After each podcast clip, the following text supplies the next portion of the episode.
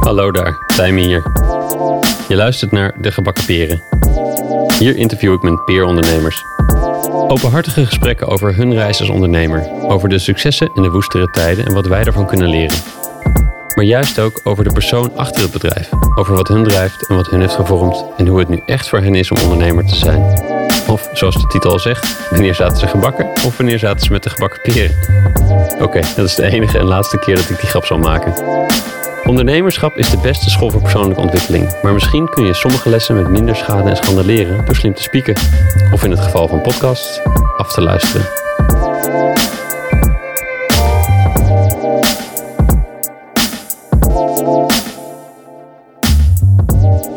In deze aflevering is Mariangela de Lorenzo te gast.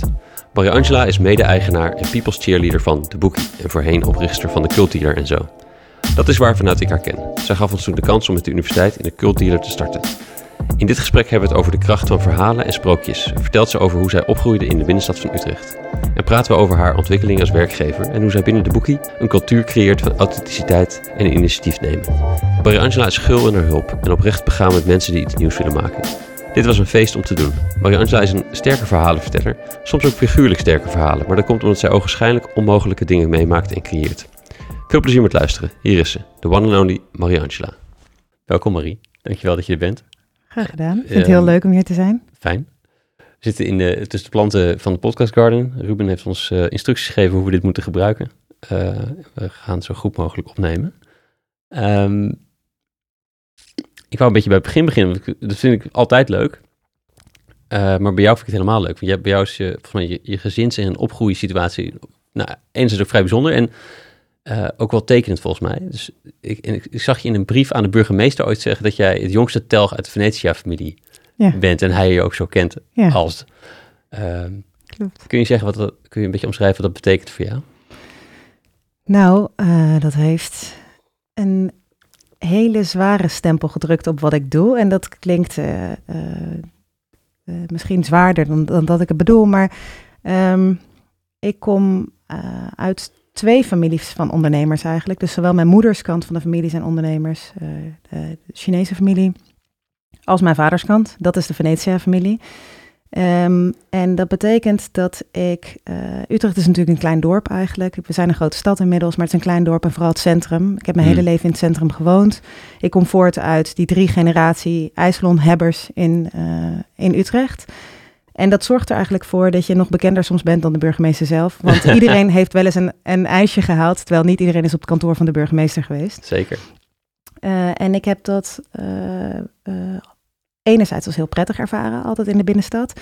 En anderzijds was het ook zo dat ik, als ik een winkel binnenliep of als ik iets gedaan had, of als ik in aanraking met de politie kwam, eh, als kind, Vertel dat, eh, dat, dat, eh, dat ik per definitie de dochter of de kleindochter van Venetië was en dan voor de deur afgeleverd werd. Of dat ik in een winkel was en iets aan het passen was en dat er dan werd gezegd dat mijn zus gisteren daar ook naar gekeken had. Terwijl ik niet. Terwijl, dus het heeft er ook voor gezorgd dat we eh, op een positieve manier, maar ook eh, op een hele confronterende manier, altijd in de schijnwerpers hebben gestaan. Terwijl je eh, ehm, maar een ijsalon hebt. Het is niet dat je kind van de, van de koning bent. Nee. Ehm, tegelijkertijd, naast die schijnwerpers, heeft het me heel veel opgeleverd. En in het kader ook van deze podcast eh, zijn er denk ik niet heel veel mensen die uit eh, families komen waarbij iedereen ondernemer is. Er Ja. zitten in beide familie eh, geen familieleden die werknemer geweest zijn. Ja. Eh, en dat zorgt ervoor dat, we, dat ik een heel ander referentiekader heb. Het enige wat ik ken in een werkgerelateerde situatie is zelf ondernemen. Ja. Wat betekende dat? Hoe, hoe uitte zich... Nou ja, wat, wat was ondernemerschap in, toen je opgroeide? Ehm, ondernemerschap eh, was dus niet eh, een scheiding van werk en privé, maar was gewoon een staat van zijn. Hm. En dat heeft mijn manier van denken heel erg beïnvloed. De ondernemendheid zit in mijn eh, gedrag, of dat nou om acht uur s ochtends of om twaalf uur s avonds is. Maar dat is denk ik een manier van denken waarin je kijkt naar wat mogelijkheden zijn, wat oplossingen zijn. En wat dus niet ophoudt eh, op het moment dat je je computer dicht doet eh, of dat je je kantoor op slot doet. Ja. Ja, we hadden hiervoor ook al over dat... lockdown begint, heel veel andere mensen die je kent die wel een baan hebben, of die, die gewoon een baan hebben, die, die, die hebben minder te doen. En bij jou gaat het gas vol open en we moeten aan de bak. Ja, ik denk dat. eh, ehm, nou, het is tweeledig. De, de lockdown heeft enerzijds bij mij eh, de situatie gebracht dat er gewoon heel veel op te lossen was op het moment dat je een eigen bedrijf hebt. eh, en, niet in dienst bent waar iemand anders eindverantwoordelijk is voor het creëren van jouw werk. Maar op het moment dat je je eigen bedrijf hebt, dan ben je zelf verantwoordelijk om dat te creëren. Hmm. Eh, dat betekent dat je enerzijds moet roeien met de riemen die je hebt om de huidige situatie onder controle te houden. En anderzijds moet nadenken over wat als de huidige situatie eh, niet meer van toepassing is en er een, een, een, een nieuw normaal ontstaat. Eh, hoe ga ik dan zorgen met welke riemen roei ik op dat moment en hoe zorg ik überhaupt dat ik nog in een roeiboot zit op dat moment? Ja. Dus voor mij was dat niet een hele rustige situatie. Nee, nee. Hey, en dus echt twee eh, vrij diverse culturen ook qua ouders. Ja. Chinees en Italiaans. Ja. En, en las ik goed dat jouw vader bobsleekampioen is Ja, geweest? Of, klopt. of ja, Ja. Zal, ja, is al geweest. Ja. Zeg je dan, je bent nog steeds de kampioen van dat jaar, maar het zal waarschijnlijk nu niet zo goed weer gaan in de bobslee. Klopt, nee, eh, mijn, mijn eh, elke keer, ik moet al bijna lachen, omdat ik me bijna al schuldig voel naar mijn vriend, die, eh, die denkt, oh, dit is de story of your life. Jullie wentelen jezelf in dit sprookje, wat, eh, waarin jullie ontstaan zijn. En als ik jullie zeg, bedoel ik ik en mijn drie zussen. Maar het is heel vormend geweest voor hoe wij in het leven, denk ik, staan. En tegelijkertijd ook heel kenmerkend voor het ondernemerschap. Namelijk, ehm, de vader van mijn vader had de eerste ijssalon in Nederland op de Voorstraat hier. ja. Die heeft het woord ijssalon ook bedacht. Ehm, 1928 was dat. Eh, de ijssalons bestonden niet. Mensen liepen rond met karretjes. Maar het was echt voor eh, eh, straatmensen, mensen die op straat leefden. Maar de, de gegoede burger at geen ijs. Ehm, de ijssalons ontstaan. Dat is een plek waar mensen rustig heen konden gaan. En nou ja, mijn, mijn opa, die Italiaans was, was hier dus al voor de oorlog. Ehm, in de periode van de Tweede Wereldoorlog, toen was mijn vader al geboren, is hij naar Italië gestuurd Hmm. dat zijn moeder overleden was. Eh, hij is daar met bobsleeën begonnen, ehm, werd daar heel goed in. En in het jaar dat hij eh, de Europese bobsleekampioenschappen won, toen kwam in het Utrechts Nieuwsblad, eh, Utrechts Nieuwsblad een artikel met bobsleekampioen of zoon van IJsselon Venetia wordt bobs, bobsleekampioen in Italië. Eh, mijn moeder woonde op de Oude Gracht. Haar ouders hadden daar een groot Chinees restaurant in Drakenburg. Eh, het stadskasteel wat daar op de hoek van de Drakenburgstraat zit. Ja. Eh, en zij werd op slag verliefd op deze bobsleer in de krant. En is dus, Door de krant. ja, en is dus, eh, eh, nou ja, is dagenlang daarheen gegaan. En uiteindelijk, en, de, en dat bedoel ik met Waarheen gegaan? naar de ijssalon Ja. om te kijken of die bobsleer er was. En uiteindelijk eh, zijn zij, een jaar later zijn ze getrouwd. Nee. Ja, en, dat, en, de, en de reden waarom ik dus moet lachen is omdat ik het bijna met een soort van schaamrood op mijn kaken zet. Want wij hebben dit verhaal zo hoog in, ons familie, in onze familietraditie staan, dat het dus te pas en te onpas verteld wordt. En dat mijn vriend inmiddels zich omdraait op het moment dat ik weer over dit verhaal begin, omdat hij denkt, daar gaan we weer. Ja.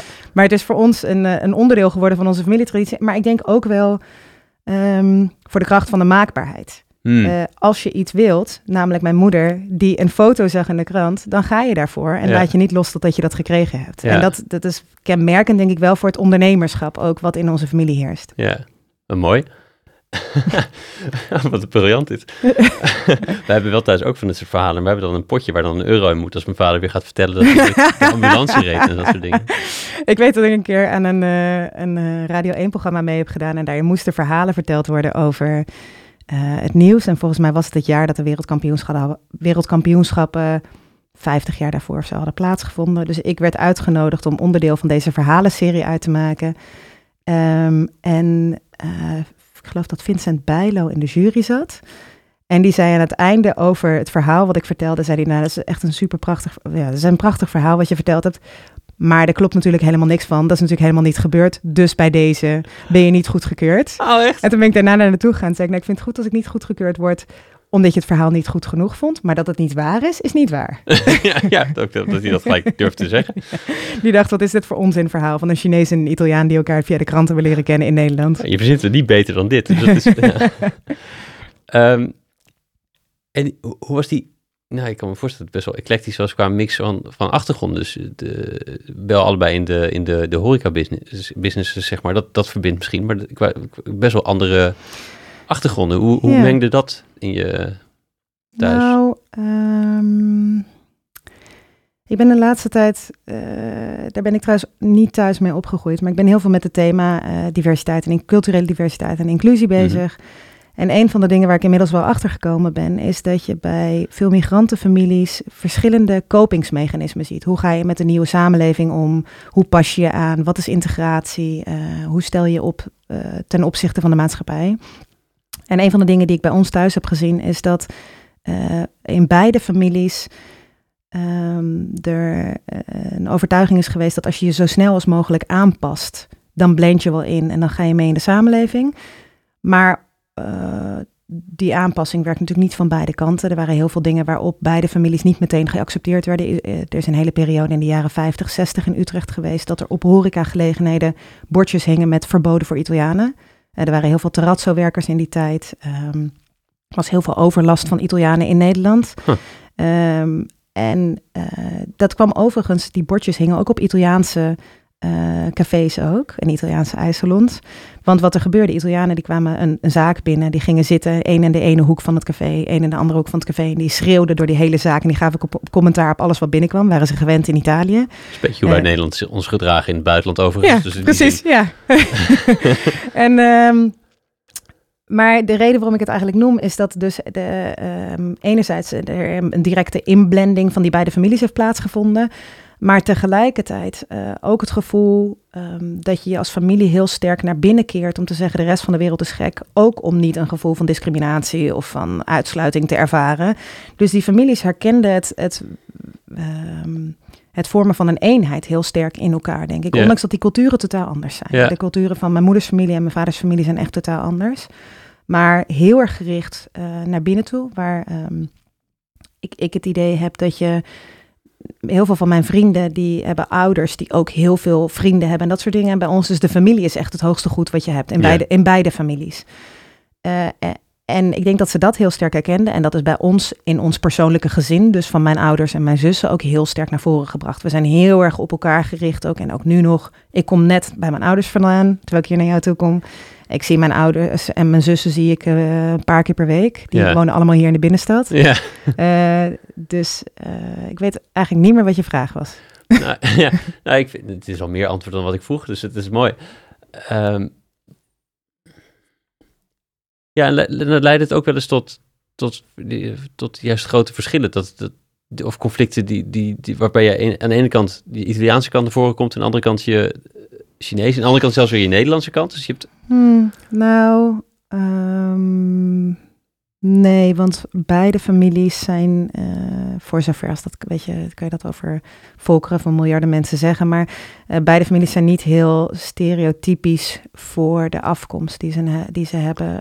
Mm, je zou verwachten dat Italianen heel uitbundig en heel extravert zijn en eh Chinezen wat meer ingetogen en eh, hmm, collectivistisch. Nou, ik heb een hele sterke Chinese familie die heel uitbundig en luidruchtig is. En eh, een relatief rustige Italiaanse familie. ja, ja, ja. Dus ik denk niet dat de, de culturen het verschil maakten. Hmm. Ehm, en ik zie wel dat wij... we, ik heb hele progressieve ouders. En ik denk dat wij als kinderen in dat opzicht echt Nederlander zijn. ja. Met de, de, de positieve invloeden van alle culturen die we meegekregen hebben. Maar eh, eh, ik heb mezelf altijd echt Nederlander gevoeld. Ja. Zijn er nog dingen uit die culturen die je, die je nu ziet in jouw stijl als ondernemer? Nou, ehm, ik vind, eh, ik vind esthetiek ehm, belangrijk. Ik denk dat het heel stereotypisch eh, verbonden wordt aan het Italiaans zijn, denk ik, door veel mensen. Eh, en daarmee bedoel ik niet alleen esthetiek ehm, in, de, eh, in de vorm dat je de schone schijn moet ophouden of dat je dure kleding moet dragen, Mm. maar wel dat dingen er ook mooi en aan- aantrekkelijk uit moeten zien. En niet alleen functioneel moeten zijn, maar wat ik echt merk aan mijn stijl als ondernemer, is dat ik de, de, de omgeving waarin je het gevoel van familie krijgt, eh, extreem belangrijk vind. Dus als ik bijvoorbeeld kijk binnen ons eigen bedrijf, eh, gaan we een heel stuk verder, denk ik, dan andere bedrijven gaan in het, in het betrekken van mensen bij de, de, de, ontwikkelingen binnen ons bedrijf zelf. Maar ook nemen we heel veel tijd om gezamenlijk te lunchen. Of nu op afstand, eh één keer in de week, samen online even te komen en gewoon te lunchen. En dus niet alleen vergaderingen te doen. Ehm, ruimte te hebben voor de persoonlijke situatie. Dus ik vind het, het, het hoeft geen vervangende familie te worden, absoluut niet. Mhm. Maar eh, eh, als je 40 uur per week werkt, en sommige van de mensen die bij ons werken, werken 40 uur, dan besteed je het, het overgrote deel van je werkweek besteed je bij ons. Ja. Meer nog dan bij je familie. Dus ik vind het heel belangrijk dat je je daar heel prettig en heel veilig Ja. voelt. En het gevoel hebt dat je kan zijn wie je wilt zijn. Eh, en dat is misschien binnen heel veel families niet eens zo. Maar ik zou dat heel belangrijk vinden dat je 100% jezelf mag zijn. En dat je niet het idee hebt dat je je werkbril op moet zetten als je daar naartoe komt. eh, om vervolgens weer opgelucht adem te kunnen halen. eh, als, je de, als je je werk verlaat. Dus het is voor mij heel belangrijk dat je, dat je het idee hebt dat je 100% jezelf kan zijn. Ja, ik vind het wel mooi. Je ziet veel bedrijven een beetje de cultuur verkondigen. We zijn één grote familie. En dat Ja. is natuurlijk niet waar. Nee, dat is absoluut niet waar. En dat zou ik ook absoluut niet willen zijn. Nee, nee maar het is mooi omdat je wel de, zoveel mogelijk de, de positieve aspecten van families van elkaar zijn probeert naar voren te brengen. Dat is wat anders dan gelijk dat, dat bijna Dwingende. Manipulatieve- Ja, verbond wat je aangaat. Nee, we zijn familie. Ja. Ja, en, dat, en dat, vind ik, dat, dat vind ik ook heel slecht. Want wat ik zie, ik generaliseer nu een beetje, maar wat ik denk te zien bij bedrijven die dat doen, is dat er indirect dus ook dezelfde verwachtingen bij komen kijken die vaak vanuit familie Precies. voortkomen. Precies. Het verwachten van de, het draaien van overuren of bepaalde taken opnemen die je niet wilt. En, en dat wil ik absoluut niet. Dus voor mij is het eerder ehm, eh, een, een, een, eh, de vormgeving van een idealistische familie, zoals die zou kunnen zijn, waarin je Mm. je grenzen mag aangeven, waarin je jezelf zou mogen ontplooien op een manier zoals je wilt, waarin je je beste zelf kan worden, maar ook fucking zagrijnig kan zijn wanneer je er geen zin in hebt. En dat is eh, in de meest realistische situatie in veel families niet zo. Ja, ja. Dus in dat opzicht is het dus geen familie, maar het is een situatie die je zelf kan creëren, omdat je niet vanuit een bloedband ontstaan bent. ja. ja, mooi. Eet jij goed op, veel in de ijssalon, soms bij de politie? nee, dat, dat, is, dat is overdreven. Maar ehm, er, er heeft een keer een voorval plaatsgevonden toen ik, eh, nou, hoe oud zou ik geweest zijn? 19. Waarin, eh, eh, nou ja, ik ben in de binnenstad opgegroeid. Dus vanaf jongs af aan ging ik al uit. Zonder, eh, ehm, zonder dat mijn ouders zich daar bewust van waren. Want ze waren wel progressief, maar ook heel streng. Dus ik moest heel vroeg thuis zijn. Hmm. Ik ging vroeg naar bed. Onder het mom dat ik heel moe was. Zodat ik daarna stiekem kon opstaan en dan kon uitgaan. En alles was binnen handbereik, dus ik hoefde nergens een taxi of een fiets heen te nemen.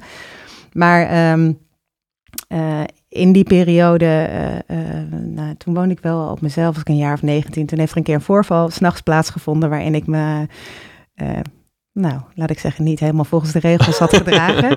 Eh, de politie is gekomen en er een eh, aparte situatie heeft plaatsgevonden en ik was echt knetterdronken. Dus ik eh, kan me het helemaal niet meer zo heel goed herinneren. Maar wat ik wel weet is dat ik nadat ik mijn ehm, eh, idee had laten zien en ik in het busje al zat van de politie, ik vervolgens weer buiten stond. En ik snapte er helemaal niks van, want ik dacht, ik dacht echt dat ik mee zou gaan naar het bureau. En toen, de dag daarna, snapte ik wel waarom ik weer buiten stond. Want toen belde mijn moeder woest over wat er de avond ervoor was gebeurd. En zij konden het me beter uitleggen dan dat ik mezelf kon herinneren.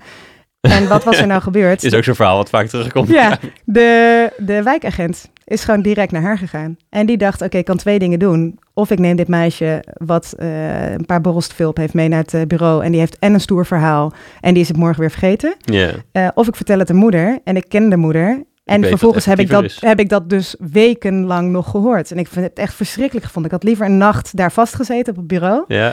Dus, ehm, nou ja, dezelfde keerzijde waar we het eerder over hadden, over Ja, als eh, de hele stad je familie kent, is dat je dus een eh, soort van eh, gemeenschappelijk goed wordt. Ja, ja, ja, ja, wel goed dat die wijkagent... Ik vind het wel een goede actie van de wijkagent. Tenminste, het is een beetje zuur voor jou. Dat je dit, dat vond je natuurlijk niet bij- fijn, nou, maar... nee, en maar ik snap dus ook het hele gevoel van buurtvaders en buurtmoeders, denk ik ook dat dat heel effectief is. Hmm. Want eh, er was niks stoers aan mijn verhaal, aan het feit dat ik bij mijn vrienden de dag daarna was en dat ik eh, op volwassen leeftijd door mijn moeder gebeld werd en gesommeerd werd om meteen naar huis te komen. En dat was een hele duidelijke, Hmm. dat was geen verzoek. Nee. oh, wauw. Ja, ja, ja. hey, weet je... Jij bent dus ook nooit werknemer geweest, of wel? Of, Ik ben een jaar in loondienst geweest. hoe was ja. dat? Eh, nou, ik. ik ehm, de functie die ik had eh, was op papier heel mooi. Waar was dit? Ik heb eh, een jaar Of lang. willen we dit voor de, voor de, voor de record vergeten? Nee hoor, nee, nee, nee, absoluut niet. Want het lag niet, het lag niet aan, de, aan het instituut. En het lag ook niet aan de mensen met wie ik werkte. Ik denk dat het echt ook lag aan het feit dat ik niet uh, dat gewend was. Ik heb ehm, een hele korte, even een hele korte aanloop naar hoe ik daar gekomen ben. Ik Mhm. ben uh, van huis uit jurist. Ik ben uh, meester in de rechten. Ik heb strafrechten gestudeerd en mensenrechten. Maar ik heb ook filmwetenschap en nieuwe media gedaan. In die tijd was het een stuk makkelijker om twee studies te doen. Mhm. Dan hoefde je niet dubbel te betalen.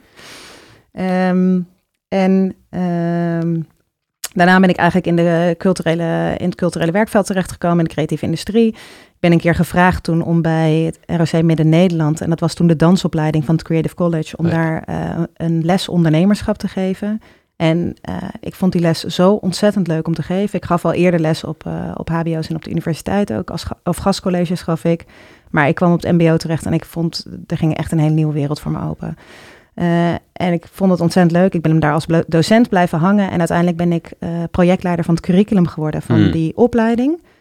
Um, omdat ik meer uren ging draaien daar, moest ik op een gegeven moment in loondienst. Dat kon ik niet meer als freelancer doen. En uh, ik merkte dat toen ik eenmaal in dat systeem zat van uh, de opleiding, dat ik echt vastraakte in de bureaucratie.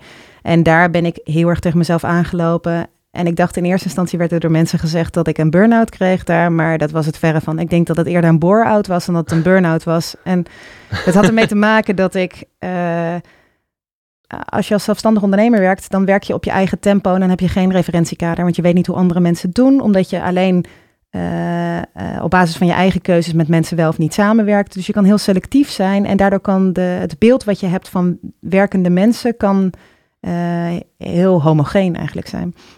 En op het moment dat ik op die opleiding ging werken en in het schoolsysteem terecht kwam, realiseerde ik me dat ik echt een stuk sneller werkte dan andere mensen. En dat betekent niet per definitie beter.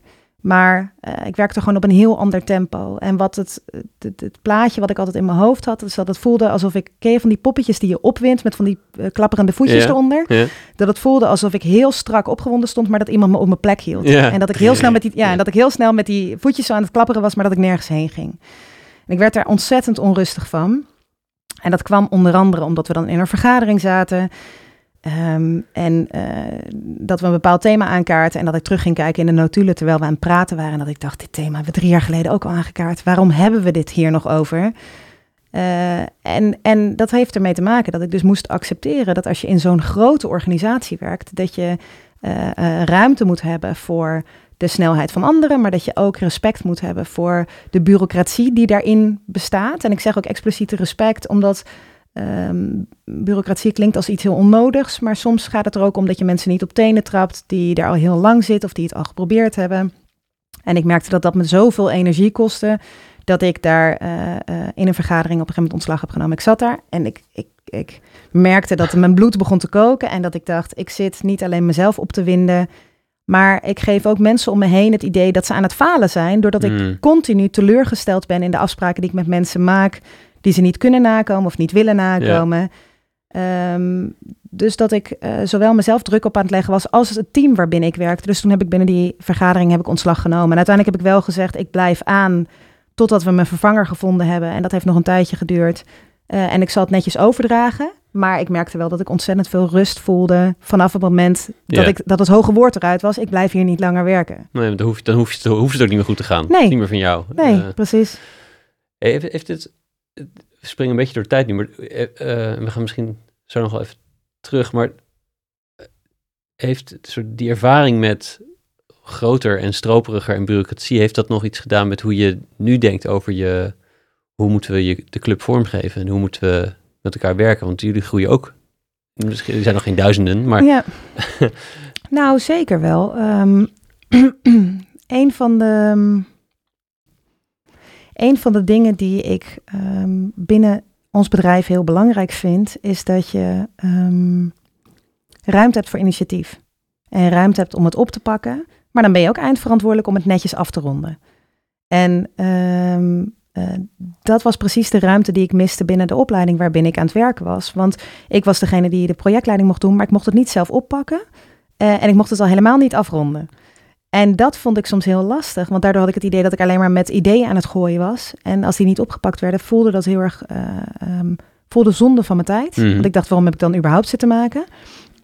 Ehm, Maar het voelde ook alsof ik soms niet serieus genomen werd door mijn opdrachtgevers. Omdat ik dacht, het, voelde bijna als een soort melkertbaan. Jij betaalt me om allemaal dingen te creëren waar vervolgens helemaal niks mee gedaan wordt. Uh, dus als we het hebben binnen onze bedrijfsvoering nu, um, probeer ik te kijken naar het creëren van ruimte waarin mensen als ze meer initiatief willen nemen, dat daadwerkelijk ook kunnen oppakken. Ja, en ook de goede hygiëne daaromheen, dat, het ook echt, dat ze ook echt mogen oppakken. Zeker. En, en wat wel eigenlijk wel heel leuk is, is ik, ik, ik, laat het nu net klinken alsof het een idee van mij was door mensen het te laten eh, ontwikkelen, oppakken en laten afronden. Maar eigenlijk is dat laatste gedeelte uh, is iets waarin ik zelf binnen onze onderneming heel erg gegroeid ben. Want een van de dingen die we bijvoorbeeld doen, wij hebben geen uh, um, uh, functioneringsgesprekken, maar we hebben een boekiebabbel. Ons bedrijf heet de Boekie. Ja. Uh, de boekiebabbel is gewoon een maandelijks kort gesprekje. Zodat je niet één keer per half jaar gaat zitten en hoe hmm. gaat het nou, maar dat je gewoon maandelijks kijkt wat is je voortgang. Mensen hebben een persoonlijk ontwikkelingsplan binnen ons bedrijf. Vertel zelf maar waar je staat en waar je tegenaan loopt. En soms komt daar een beetje feedback uit terug. En die boekiebabbels kunnen ook roleren. Dus die begonnen aanvankelijk met dat ik ze voerde met onze medewerkers. Maar Um, nu doen ze het ook onderling, voeren ze die babbels. Want uh, als collega's kan je elkaars werk nog beter functioneren dan dat ik dat misschien kan. Uh, of uh, beoordelen. Yeah. Kan je als elkaars yeah. functioneren beter beoordelen dan dat ik dat kan. Um, en er zijn ook boekiebabbels die met mij gevoerd worden. Hoe ik het als baas of als opdrachtgever doe. Yeah. en dat geeft mij heel veel inzicht, omdat ik, ik ben natuurlijk nog nooit eerder iemands baas geweest. Dus dat betekent dat ik niet weet hoe een goede baas handelt. Terwijl mensen die bij ons werken, zijn veelal veel langer in dienst geweest dan dat ik dat ooit geweest ben. Dus zij weten veel beter wat een goede baas maakt dan dat ik dat zelf ja, weet. Uh, en uit een van die boekiebabbels met mij is ook teruggekomen. Je hebt bedacht dat, uh, uh, dat werd tegen mij gezegd, je hebt bedacht dat je mensen de, de ruimte wil geven om iets te laten ontwikkelen. Maar als puntje bij paaltje komt, uh, grijp ik vaak bij de laatste, of greep ik vaak bij de laatste stap in. Op het moment dat ik dacht, oh, iemand krijgt het niet helemaal af, dan ging ik het snel oppakken en dan dacht ik, ik help je even mee. En dan maken we het samen af. Uh, of als het misdreigde te gaan, dat ik dacht, ik pak het even snel over, dan wordt het toch een heel mooi project. En dat degene die de boekiebabbel met mij deed ook zei, uh, laat mensen dat dan ook dragen.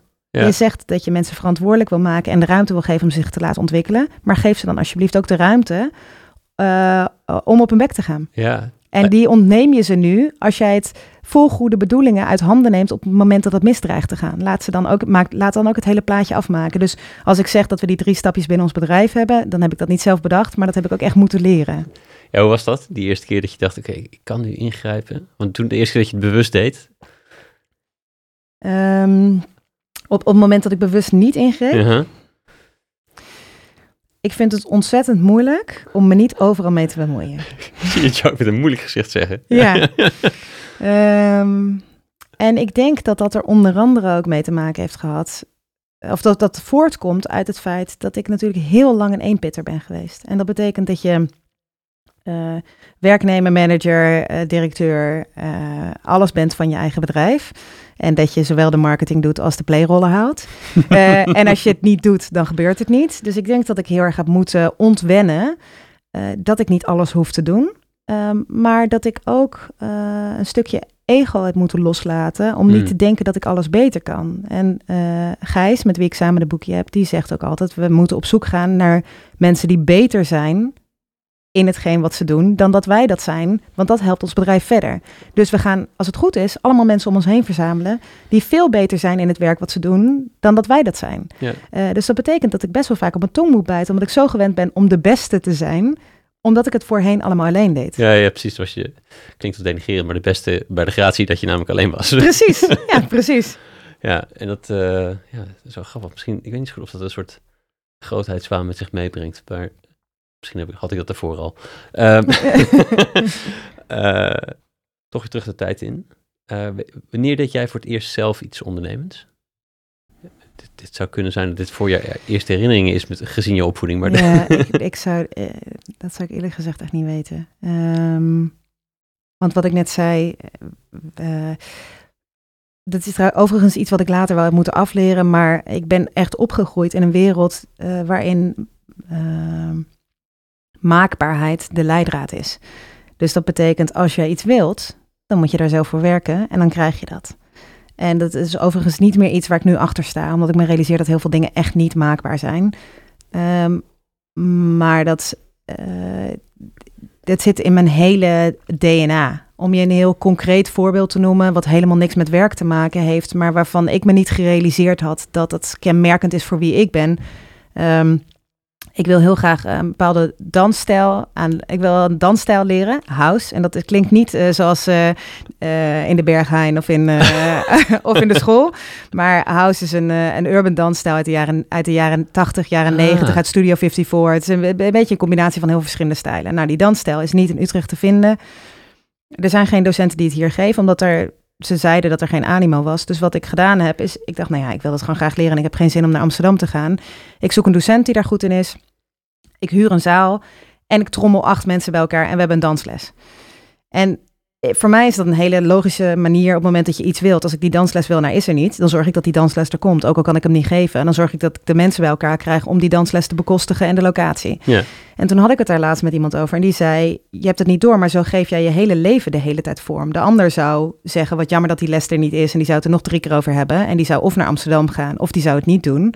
En jij hebt niet eens door dat je dit hele scenario helemaal in gang hebt gezet. Voordat je je realiseert dat veel andere mensen dat niet doen. En dus als je op het moment dat jij vraagt, wanneer was de eerste keer dat je iets ondernemends deed? Ja, ik weet het niet. Het is, het, het is onderdeel van mijn DNA.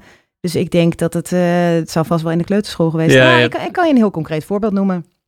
Ik heb uh, een aantal jaar uh, twee keer per dag avondeten gegeten.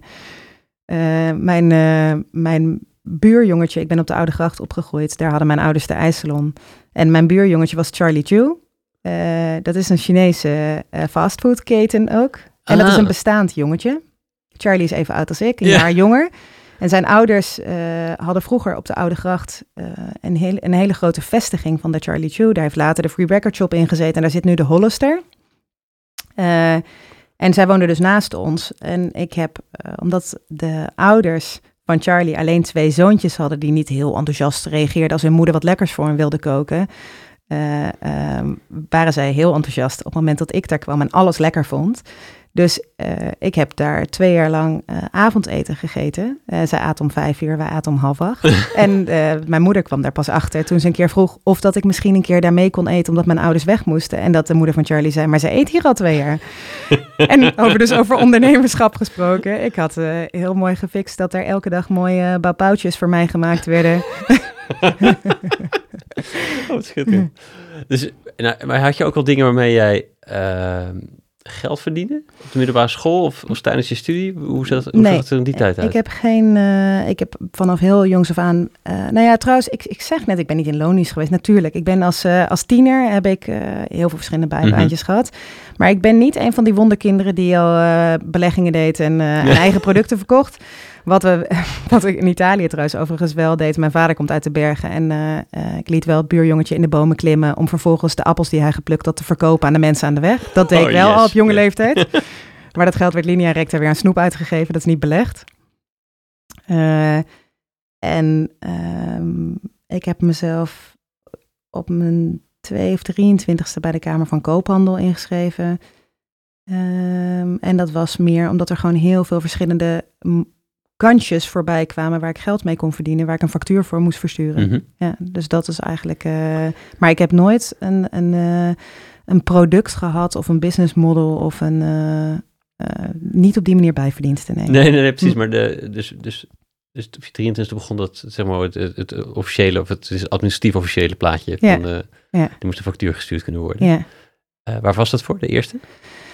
Um, op mijn 23e ben ik naar Hongkong verhuisd. Um, en ik zit nou heel even na te denken of dat in Hongkong al was. Nee, want toen zat ik natuurlijk niet bij de Kamer van Koophandel. In Hongkong schreef ik wel ook al facturen, maar dat waren gewoon inkomsten daar. Maar um, ik heb toen een tijd in Berlijn gewoond. En daar begon ik met uh, uh, het vertalen van, uh, van online boeken. Um, Overigens was ik daar niet heel goed in, maar ik had mezelf wel naar binnen gebluft. Uh, dus ik denk dat er een aantal mensen op de wereld zijn geweest die hele vreemde vertalingen hebben gelezen van hele relevante boeken. uh, en, um, en vervolgens toen ik weer naar Nederland kwam, ik was een paar jaar in het buitenland geweest, maar ik heb dus heel veel van die klussen die ik onder, onderweg deed, uh, heb ik op freelance basis gedaan, van vertalen tot barista werk, dat soort dingen. En toen kwam ik naar Nederland. Toen was ik tolk voor Italiaanse regisseurs die op filmfestivals kwamen en dat soort dingen. Uh, dus dat was live tolken. Uh, maar ik werkte toen ook als barista. Dus ik denk dat de eerste jaren dat ik bij de Kamer van Koophandel ingeschreven stond, waren het echt klusjes. Ja, ja, ja. Het was echt dienstverlening en alles wat op mijn pad komt, waar ik, uh, alles wat op mijn pad kwam, waar ik een beetje geld mee kon verdienen, dat deed ik gewoon op ZZP-basis. Ja, ja. Hoe, is de, hoe is de cultuur en zo begonnen? Toen ik terugkwam uit Berlijn, um, toen in, die periode ben ik naar naar Amerika een paar keer geweest en toen ben ik naar Burning Man geweest. En Burning Man is een festival in de woestijn in Nevada. 50.000 mensen komen daar een week lang per week samen, of een week lang per jaar samen om uh, uh, iets te creëren. En ik vond de, uh, de, enerzijds de combinatie van de, de, initiatieven die ik in Berlijn had gezien en het gevoel van, de, van Burning Man, waarin mensen vanuit co-creatie hele mooie dingen kunnen creëren, vond ik heel inspirerend. En de cultdealer was ontstaan dat mijn ouders een, een werfkelder aan de Oude Gracht hadden. Uh, die kwam vrij op het moment dat ik terugkwam uit Berlijn. Uh, en toen zei ik, ik wil die kelder huren. Maar ik heb nog geen flauw benul wat ik ermee ga doen. Maar ik heb het idee dat ik iets met die kelder moet doen. Uh, en het idee was toen dat ik gewoon aan mensen om me heen ben gaan vragen. Oké, ik, had een, ik had een concept opgeschreven van een plek waarin mensen vanuit co-creatie een avondvullend programma konden creëren. En vervolgens dus elke avond een ander programma te zien of te beleven zou zijn. Maar ik wilde niet afhankelijk zijn van het uh, subsidiestelsel. En ik heb toen ben toen gewoon aan mensen gaan vragen: als jij nou 5 euro per maand betaalt, uh, lijkt het je dan leuk dat je voor die 5 euro een kelder tot je beschikking hebt waar je als je zin hebt af en toe wat kan organiseren zelf of kan experimenteren met een nieuw format of dat nou een workshop is of een lezing of uh, nou whatever. Je weet heel goed. Uh, die eerste komen me heel bekend voor. Alles wat je daar kon doen en dat je tegelijkertijd voor die 5 euro per maand dus de andere experimenten van je mede-investeerders kon ondergaan. En hoe kwam het idee bij je? Um, ik miste in Utrecht op dat moment de laagdrempelige uh, podia om te experimenteren. Dus er zijn heel veel grote zalen waar je initiatieven kon nemen en waar je als band kon optreden of waar je films kon kijken. Maar ik miste echt letterlijk de, de cult een beetje, dus de, de rauwe randjes. Um, maar daarnaast miste ik ook de, de, de um, samenhorigheid misschien wel. Ik, ik, ik vertelde je net over dat ik van een school kom waarin iedereen naar een studentenvereniging is gegaan, behalve ik. Ik kom van uh, best wel een elitaire school hier in Utrecht, Christelijk Gymnasium. Uh, ik ging niet naar het koor. En ik begon wel ook echt de meerwaarde te zien van een community hebben. En een groep mensen met wie je stelselmatig samenkomt. En iedereen kan daar anders in zijn.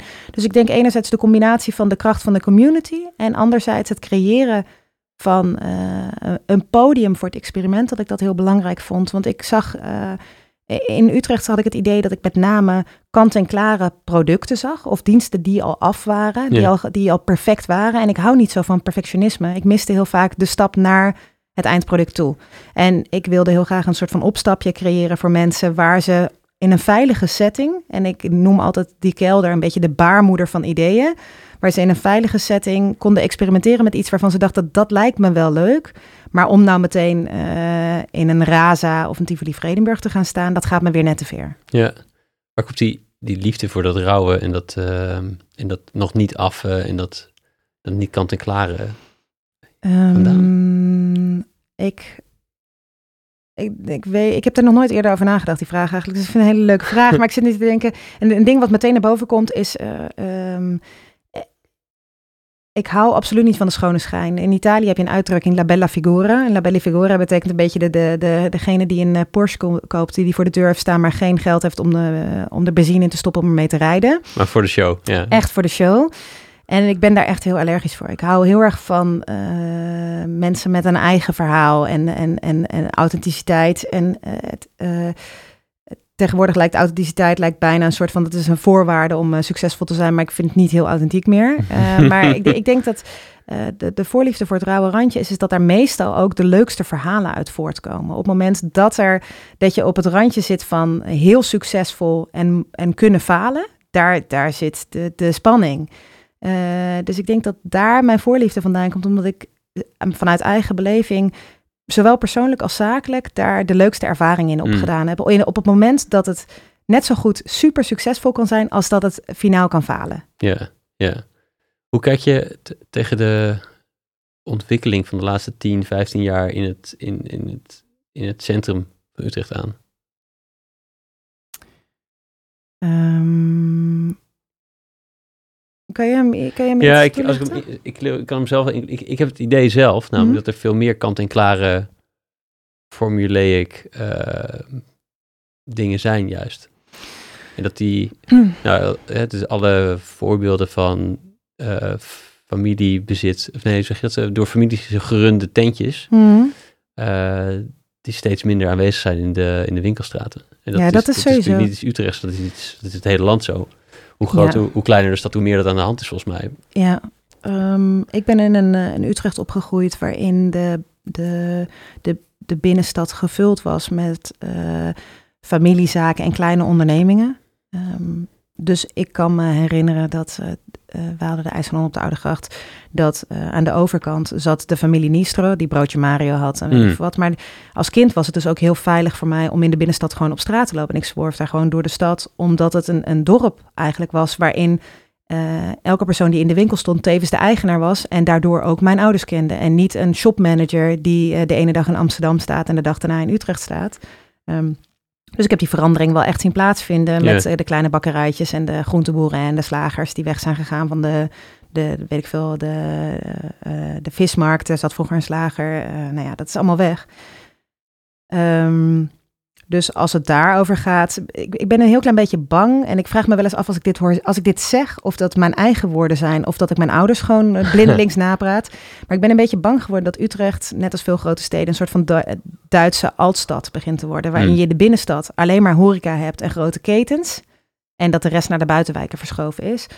Het gekke is alleen dat ik. Um, uh, dat de verschuiving naar de buitenwijken ook niet echt plaats heeft gevonden. Want het lijkt bijna alsof alle kleine ondernemingen die in de binnenstad er zaten, gewoon er niet meer zijn. Omdat het simpelweg niet meer voor hen te betalen is.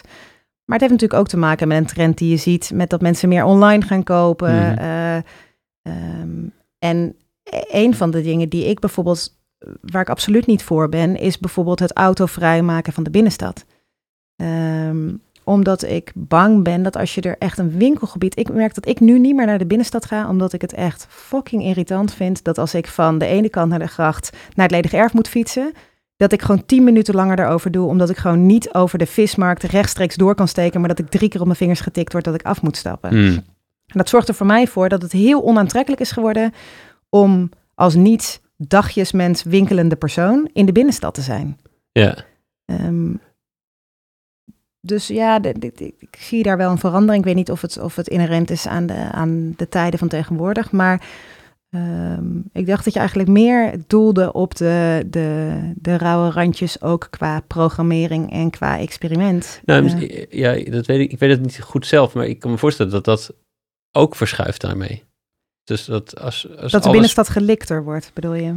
Ja, en dus ook dus de, de, de kleine zaken verdwijnen, want de panden worden te duur. Want, uh, uh, en dus alleen nog maar de grote ketens overleven. Dat, dat ook, ook gebeurt met de kleine ruimtes die je voor, voor programmeringsdoeleinden zou kunnen ja, maar toch denk ik, um, een van de dingen die je bijvoorbeeld de, de, laatste tien jaar extreem veel ziet, is dat de, uh, het van straatniveau naar werfniveau is verplaatst. Dus als je goed kijkt op waterniveau aan de Oude zie je ontzettend veel werven die gevuld zijn met kleine studio's, uh, kleine tentjes, uh, zaakjes die, in een, die vroeger boven zaten, tweedehands zaakjes die in één keer in werfkelders zitten. Ja. Dus uh, soms kan het ook zijn dat het uit, het uit het oog is verdwenen, maar dat het gewoon op een ander niveau plaatsvindt. op dezelfde locatie. Een soort van uh, de upside down. Ja, ja, ja precies. je hebt een soort van uh, bril nodig om door de, door de façade heen te kijken. En dan zie je, dan zie je opeens. Zie je ze in één keer zitten, ja.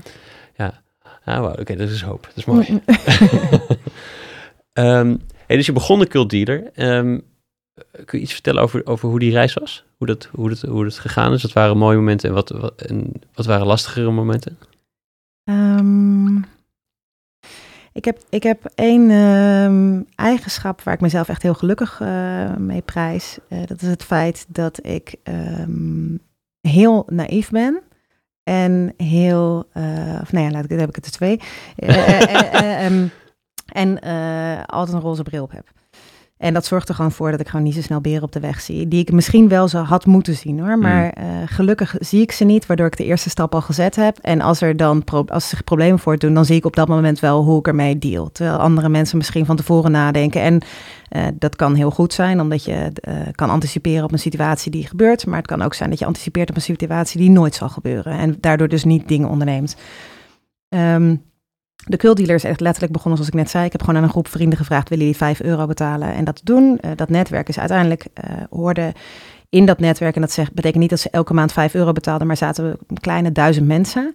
Um, en uh, eigenlijk is dat heel organisch gegroeid. Dus wat ik aan het begin van het gesprek ook tegen jou zei, de, alle dingen die ik bedacht had, die zouden gaan gebeuren, die gebeurden eigenlijk niet. Want iemand kwam met een beter plan en daar ging ik heel makkelijk in mee.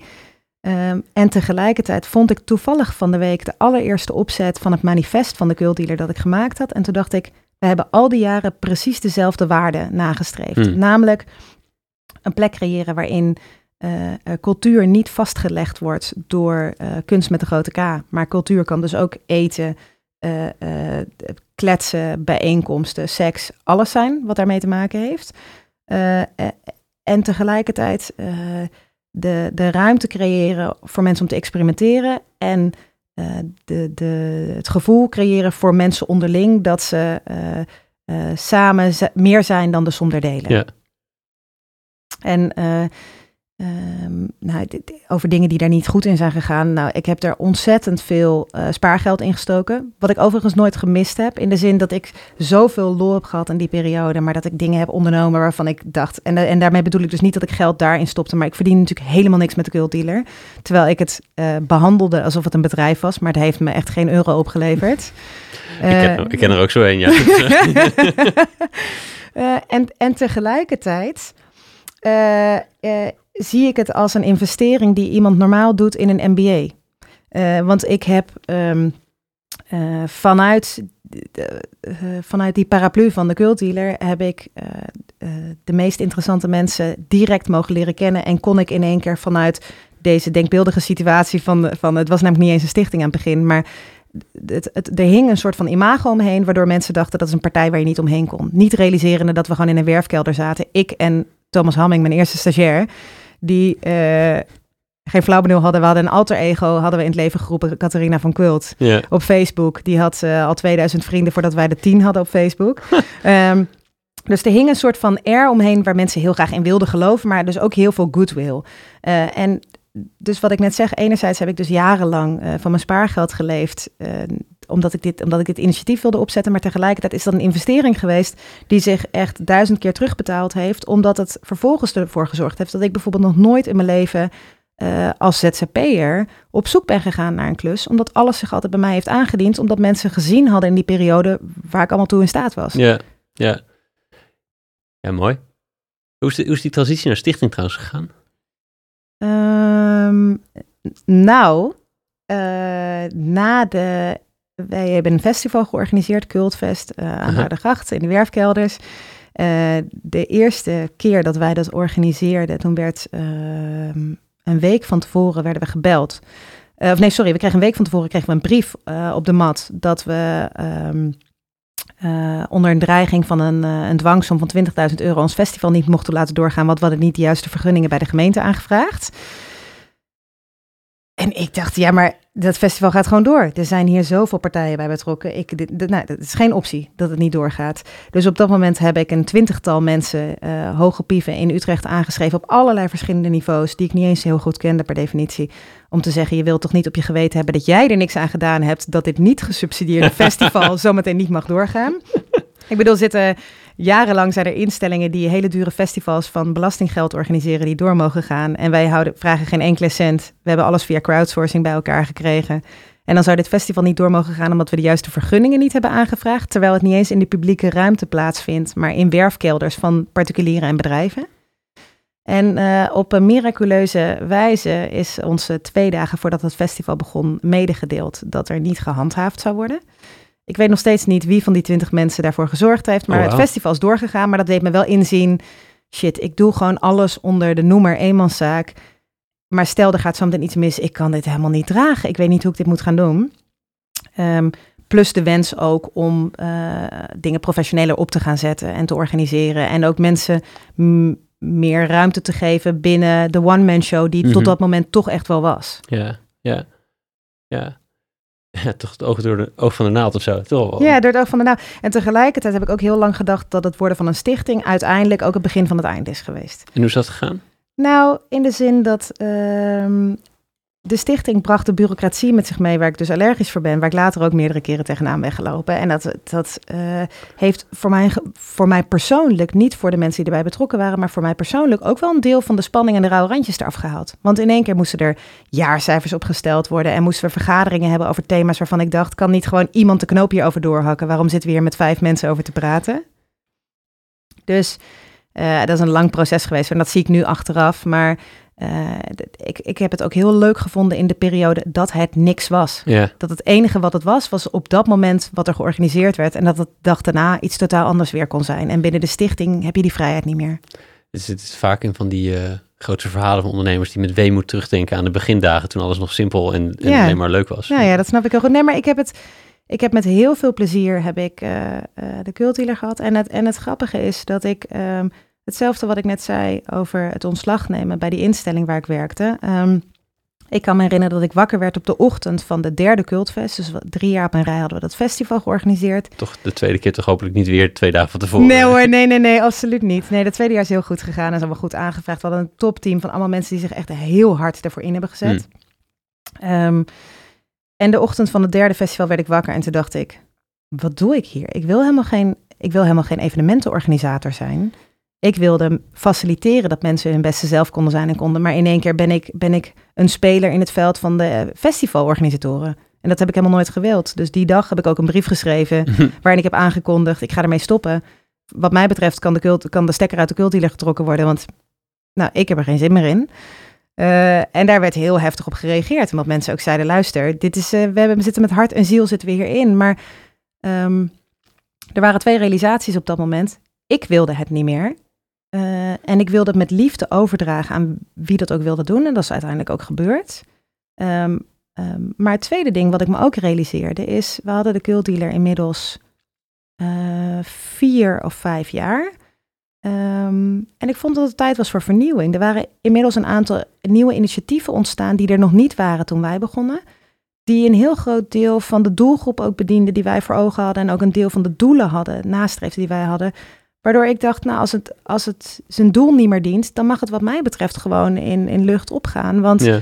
ik denk daar niet met weemoed aan terug. Dat is, ehm, ja, ik vind het heel mooi. Als dingen zichzelf overbodig kunnen maken, dan Ja. heb je dus blijkbaar je doel gediend. Ja. En, en dat was niet iets wat iedereen snapte in de, eh, in de stichting, omdat mensen het, die vonden het heel jammer wat er verloren ging. Terwijl ik dacht, maar als we onze blik verruimen, dan zien we dat de doelen die we nastreven inmiddels door andere partijen ook al bediend worden. Waarom sluit je niet bij hen aan? Ja, nou, ja, en je zei ook, we hebben hier hard voor gewerkt. Dus misschien zit, dat, zit het ook een beetje erbij van, oké, ik heb hier hard voor gewerkt en is het nou niet meer belangrijk? Ja, Ehm, ja. ja. Is, gebeuren dit soort dingen altijd op, zo'n op zo'n moment? Zo'n zo'n inzicht, zeg maar, dat het echt instantaan, oké, what the fuck, ik, wil, ik moet hier weg. Mijn, eh, ik denk dat, dat het eh, niet zo. ehm, het is niet zo spontaan als dat het nu klinkt, denk ik. Maar voor mij voelt het wel zo. Terwijl het grappige is, is dat ik van mijn omgeving heel vaak terughoor. Dit zat er al maanden aan te komen. Je hebt het nooit uitgesproken, maar uit alles wat je zei en hoe je reageerde op de situatie, was te voelen dat je naar dit punt toe aan het werken was. Hetzelfde was met die dag dat ik ontslag nam eh, op werk. Ik kwam naar huis en, eh, en ik vertelde dat. Nou, moet je horen wat er vandaag is gebeurd. Ik heb gewoon ontslag genomen. En Gijs die zei, nou, mooi, eindelijk. En toen dacht ik, hè? Maar ik ben toch niet negatief erover geweest? Of wat? Zei hij, nee, maar uit alles kwam al naar voren dat jij onbewust al lang hier naartoe aan het werken was. Je had alleen zelf nog niet door. ja, ja. Dus we zijn vaak de laatste die Ja, weten. Ja, precies. hey, en je zei ook nog iets wat interessant, heb ik je ook, waar heb ik, ik weet niet meer waar ik dat gevonden heb, volgens mij in een artikel wat je schreef in Speaker Academy over communities runnen. En dat dat iets is wat niet klopt eigenlijk. En dat, Nou, wat zou je daar, leuk dat je dat gelezen hebt. Misschien de is- eerste, weet ik niet. Ja, ik zit even na te denken of Kun je ik... daar iets meer over eh, zeggen? Want dat is is volgens heel mij lang wat- wat geleden ik dat veel zie, dat je een soort community manager zelfs hebt. Oh ja, precies. Oh ja. Oh ja, ik heb heel vaak ehm, eh, in een rol gestaan waarin ik gevraagd werd als, eh, ehm, community manager of iets dergelijks. Of het opzetten van communities. Ik heb dat voor meerdere grote projecten gedaan in de stad, maar ook landelijk. En, en een van de dingen die ik als eerste wil doen is dat hele woord managen. Ik, ik geloof niet dat een community zich laat managen. Schappig, je herinnert me nu aan iets dat ik denk, oh, wat is een goede opmerking van mezelf. Dat was ik helemaal vergeten. Nee, ehm, maar uh, uh, ik, ik denk, ik noem mezelf daarom gekscherend heel vaak een soort van community cheerleader. Ik Mm. geloof dat ik, dat ik uh, aan de zijlijn kan staan en, en mensen kan toejuichen dat ze supergoed bezig zijn en tips eventueel kan geven en kan enthousiasmeren uh, om door te gaan. Maar op het moment dat je een community moet managen, dan uh, uh, giet je het eigenlijk, dan kom je dichter in de buurt van die bureaucratie waar ik het eerder over Mm. heb. En dan denk ik dat je een situatie gaat creëren die verder afkomt te staan van de authenticiteit. Dus op het moment, want dan ga je namelijk bedenken, oké, wat zijn de kaders? Uh, binnen die kaders gaat die community zich op een bepaalde manier ge gedragen. Ik ga dat faciliteren, maar op het moment dat je het faciliteert, is de kans ook heel groot dat je het gaat leiden en dat je het gaat aansturen. Waardoor je uiteindelijk de kracht uit de community haalt en er gewoon poppetjes van maakt die uh, een soort van lege omhulsels zijn van wie ze voorheen waren. Uh, dus ik geloof dat als je een community echt wil laten groeien, dan moet je um, de, de, de, de, voedingsbodem moet je blijven aansterken en blijven voeden. Uh, je moet het uh, tools geven. Um, maar uiteindelijk moet je er dus ook voor openstaan als de community een totaal andere richting kiest dan wat jij voor ogen had. Ja, ja. ja, ja precies. Het is, niet, het is niet van de manager. Nee. Dat is bij een manager normaal wel zo. Ja. Of tenminste, dan, wordt die, dan wordt die eigenaar van een bepaald nou ja, deel van een bedrijf. Ja, op het moment dat je een community manager hebt, dan ga je het precies tegenovergestelde doen van waar de community voor staat. Want de community staat voor een bottom-up initiatief. En op het moment dat je het gaat managen, dan ga je die, die, dat, die grassroots uh, organisatie ga je top-down proberen te, te, te sturen. Ja. En ik denk dat dat, dat uh, niet alleen contraproductief is, maar ook een contradictie in terminus. In de zin dat dat, dat dat is uh, tegenstrijdig met wat je een community wil laten doen. Ja, ja. Mooi. Thanks. Um, ja, en toen kwam de boekie. Ja, dat is eigenlijk rechtstreeks na de ervaring bij die opleiding. Toen... Uh, je bent tussen cultdealer en, en de boekie nog bij die opleiding. Want die ja. tijdlijn was me even ontgaan, ja. maar... Ze lopen allemaal langs elkaar. uh, maar um, in de mijn vriend, dus het is eigenlijk, de boekje is een familiebedrijf. mijn, uh, mijn, ook weer. Ik ben uh, de zoveelste persoon in mijn familie die uh, met zijn partner een bedrijf heeft. Oh ja, ja, ja. Um, de, de boekie is in 2015 officieel ontstaan, maar was daarvoor al bezig. Maar toen heeft Gijs een boekhoudkantoor opgezet, wat voor ZZP'ers werkt.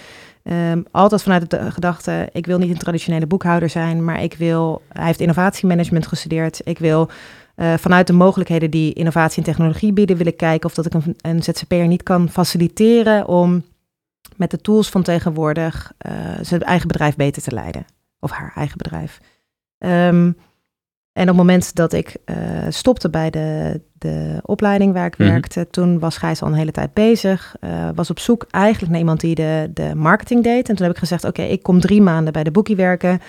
Uh, dan gaan we zoeken wat het bedrijf nou echt nodig heeft. En ook hoe we die community weer in kunnen zetten. Want we hebben een heel groot netwerk van ZZP'ers. Wat hebben ze precies nodig? Uh, hoe kunnen we uh, niet alleen het product fine-tunen, maar meer hoe kunnen we het ook in de markt zetten en overbrengen wat we nou precies bedoelen? En die samenwerking ging eigenlijk zo goed dat ik nooit meer weg ben gegaan. Nee. Het, het, het, best wel een soort, het klinkt als een soort uh, heftige bocht naar rechts, zeg maar, om rechts, links, in ieder geval 90 graden. Ja. Uh, van een compleet andere richting dan wat je, welke hoek je is zat. Maar... Ja, nee, dat wordt heel vaak gezegd. Maar dat is eigenlijk heb ik gewoon, doe ik precies hetzelfde wat ik voorheen ook altijd gedaan heb. Ik heb, um, ken je de, nou ja, dat ken je waarschijnlijk wel, de Meyer-Briggs test. Ja. Um, Meyer-Briggs. BTI. Ja, ja, precies. En dat is uh, een persoonlijkheidstest. Daar komen verschillende persoonlijkheidstypes uit. En uh, mijn persoonlijkheidstype is ENFP. Ja, um, ja. Uh, extravert, intuïtief, uh, feeling en perceiving. Dus uh, op basis van gevoel en reagerend op de situatie. Um, en um, de reden waarom ik dit nu noem is omdat ik, eigenlijk wat jij net zegt, er is mij heel vaak vertelt dat ik continu wissel van koers. En dat mensen zeggen, hè, maar ik ken jou uit die periode en nu doe je weer iets totaal anders. Maar jij was toch eigenlijk jurist, hè? Maar je woonde toch in Hongkong? Uh, jij werkte toch als barista, als freelancer? Hè? Geef je nou les? Ben je nou artistiek leider van een dansopleiding? Ja. Uh, maar je organiseerde toch festivals? Nou goed, dat heb ik mijn hele leven heel vaak gehoord. Ja. Um, en doordat ik die uh, uh, persoonlijkheidstest las, nogmaals, er zijn honderdduizend van dat soort testen, maar het heeft mij heel veel inzicht geboden. Want het kenmerkende voor mijn persoonlijkheidstype is dat je je niet laat, je, je, je, je werk, maar ook gewoon je leven niet leidt op basis van, um, je, of je richting niet kiest op basis van traditionele discipline of expertise, maar kiest op basis van waarde. Hmm. En ik denk dat in dat opzicht uh, is de boekie, daarin breng ik precies hetzelfde in als wat ik in al mijn voormalige opdrachten en, en, en werkgerelateerde projecten heb gedaan.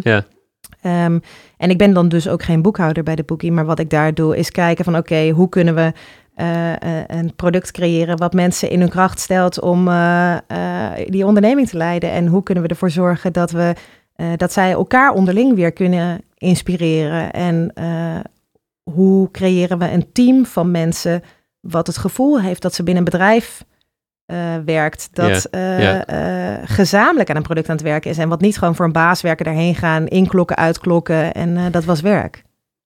Ja, well, ja ik, ik, vermoed wel dat er een, een rode draad tussen zat. ik was toch wel even onder de indruk die die hele samenvatting maakte. Tik, tik, tik, tik, al die hoeken zeg maar van het... Ja, voor mij, ik doe, ik doe voor mijn gevoel echt mijn hele leven lang al precies hetzelfde. Ja. Hoe krijg ik mensen in een positie waarin ze kunnen floreren?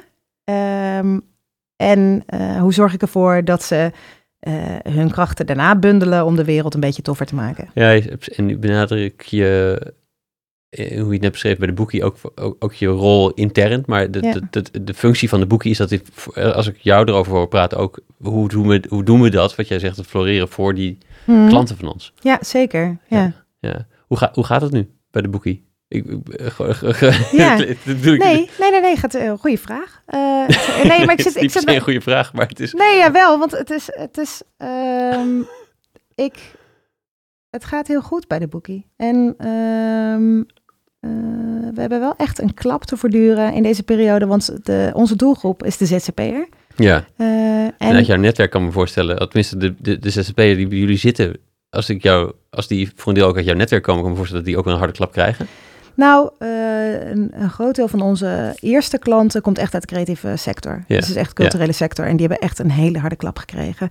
Maar inmiddels is onze, onze klantenkring is zo uitgebreid dat we van uh, onderaannemers tot uh, ICT'ers, schilders, docenten, coaches, van alles yeah, hebben. Dus dat, is, dat is nog dat is een, een onderdeel van het netwerk dat we hebben.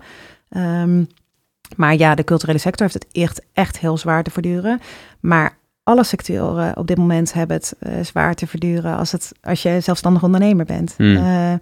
Uh, uh, en er zijn zeker ook mogelijkheden. Ik bedoel, als je zelfstandig in de zorg bent, zit je in een andere positie nu dan yeah. dat als je de productie draait voor een festival. Um, maar we zien dat er echt zware klappen vallen onder de, onder de ZZP'ers. Yeah. Um, en de, daarom hebben, zijn we aan het begin van het jaar ook begonnen met um, uh, extra hulp te verlenen aan onze klanten op het gebied van coronamaatregelen die de overheid aanbiedt, maar ook uh, tips over hoe je dingen slimmer kan aanpakken. Dus dat is ook wel een deel van de functie die ik binnen het bedrijf probeer op te vangen. Van hoe kunnen we meer zijn dan alleen maar de boekhouder? Ja. Yeah. Um, maar nee, en, en, en dat heeft ook zeker zijn weerslag op onze groei gehad van ons bedrijf. Omdat er gewoon heel veel klanten gestopt zijn die uh, um, gekozen hebben voor hun loondienstverband. Die mm. bijvoorbeeld half-half werkten en die dachten, ik ga dit risico gewoon niet nemen, ik ga gewoon in dienst. Um, uh, bedrijven die het, ja, gewoon überhaupt kopje onder zijn gegaan en die gewoon zich uit hebben geschreven bij de Kamer van Koophandel. Maar ook mensen die gezegd hebben, ik uh, ga toch even zelf proberen mijn boekhouding en ik meld me wel weer, want ik kan uh, zelfs de 30 euro, 40 euro per maand die bij ons kost, kan ik me op dit moment gewoon echt niet permitteren. Ja, ja, precies, precies.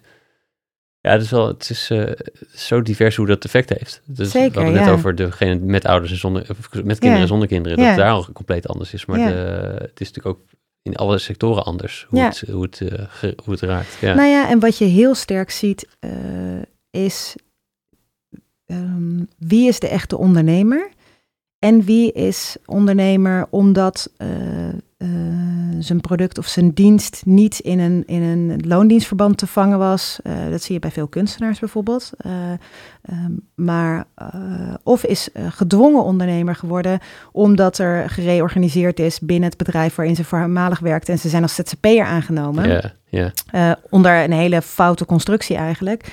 Maar die helemaal er niet voor gekozen hebben om te ondernemen. Die werkten gewoon onder dezelfde veilige constructie als waar ze voorheen onder werkten. En hadden twee opdrachtgevers aan wie ze gewoon uh, doorfactureerden. Die zijn komen te vervallen, maar die hebben niet de, de wens of niet de inventiviteit om te bedenken wat zijn de alternatieven, wat ga ik nu eens doen. Omdat ze gewoon expert zijn in hun vakgebied en eigenlijk niet zoveel anders kunnen of niet zouden willen. Ja. de, de, de echte ondernemer, wat, wat zijn een paar eigenschappen van je denkt, die, die heeft hij? Die inventiviteit. Nou ja, weet je, hij is, nou, het is, natuurlijk heel divers. Want er zijn heel veel verschillende type ondernemers natuurlijk ook. En die allemaal op hun eigen manier heel succesvol zijn. Maar ik denk dat als je een echte ondernemer wilt zijn, dat je ook in staat moet zijn om uh, met oplossingen en alternatieven te komen op het moment dat dingen niet lopen zoals je gewend bent dat ze lopen. Dat je daar zelf ook oplossingen voor kan aandragen. Maar ook dat je uh, de, het lef moet hebben om te experimenteren met dingen die helemaal niet zeker zijn. En dat je flexibel genoeg moet zijn om te ageren als dingen anders lopen. Uh, uh, dat, je, dat je op dat moment kunt bedenken hoe je er op dat moment mee omgaat. Ja. ja. Wow. en over als je jezelf verplaatst, jij over vijf jaar in, in de boekie, hoe, hoe ziet het? Zit je nog bij de boekie of is het uh, eh, hoe, wat, wat is je droom, je visie, hoe, de, hoe, hoe, hoe dat eruit ziet over... ik ben de slechtste ondernemer om dit aan te vragen. Want ik ben echt iemand, en dat klinkt heel uh, dromerig, maar ik vind het heel lastig om in de toekomst te kijken. Wat ik net zei, als, als mijn positieve eigenschap, dat ik uh, dingen doe zonder, zonder erover na te denken, is tevens, de, dit is dan de, de keerzijde van die munt. Ik vind het echt heel lastig om vooruit te kijken omdat ik me zo bewust ben van de continu veranderende Uh, maatschappij. Maar ook omdat ik in mijn brein beschik niet over het gen om lang vooruit te kijken. En dat is. Dat kan echt wel een, eh, een mankement zijn als ondernemer, omdat ik het heel lastig vind om visie te creëren. Dus ik ben ook heel dankbaar dat ik mijn bedrijf samen met Gijs leid. Want um, ik kom echt uit een ondernemersfamilie. Gijs komt niet uit een ondernemersfamilie. Um, maar Gijs is wel echt, heeft, eh, we hebben echt aangetoond binnen ons dat hij echt de rasondernemer van ons beiden is. Terwijl dat heel niet is wat je zou verwachten.